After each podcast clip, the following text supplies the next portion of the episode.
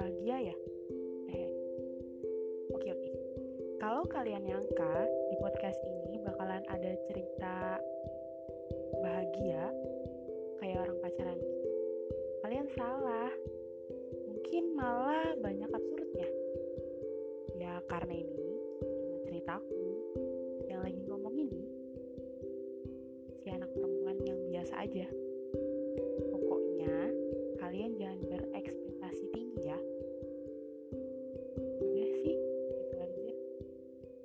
Semoga kalian suka. Bye bye.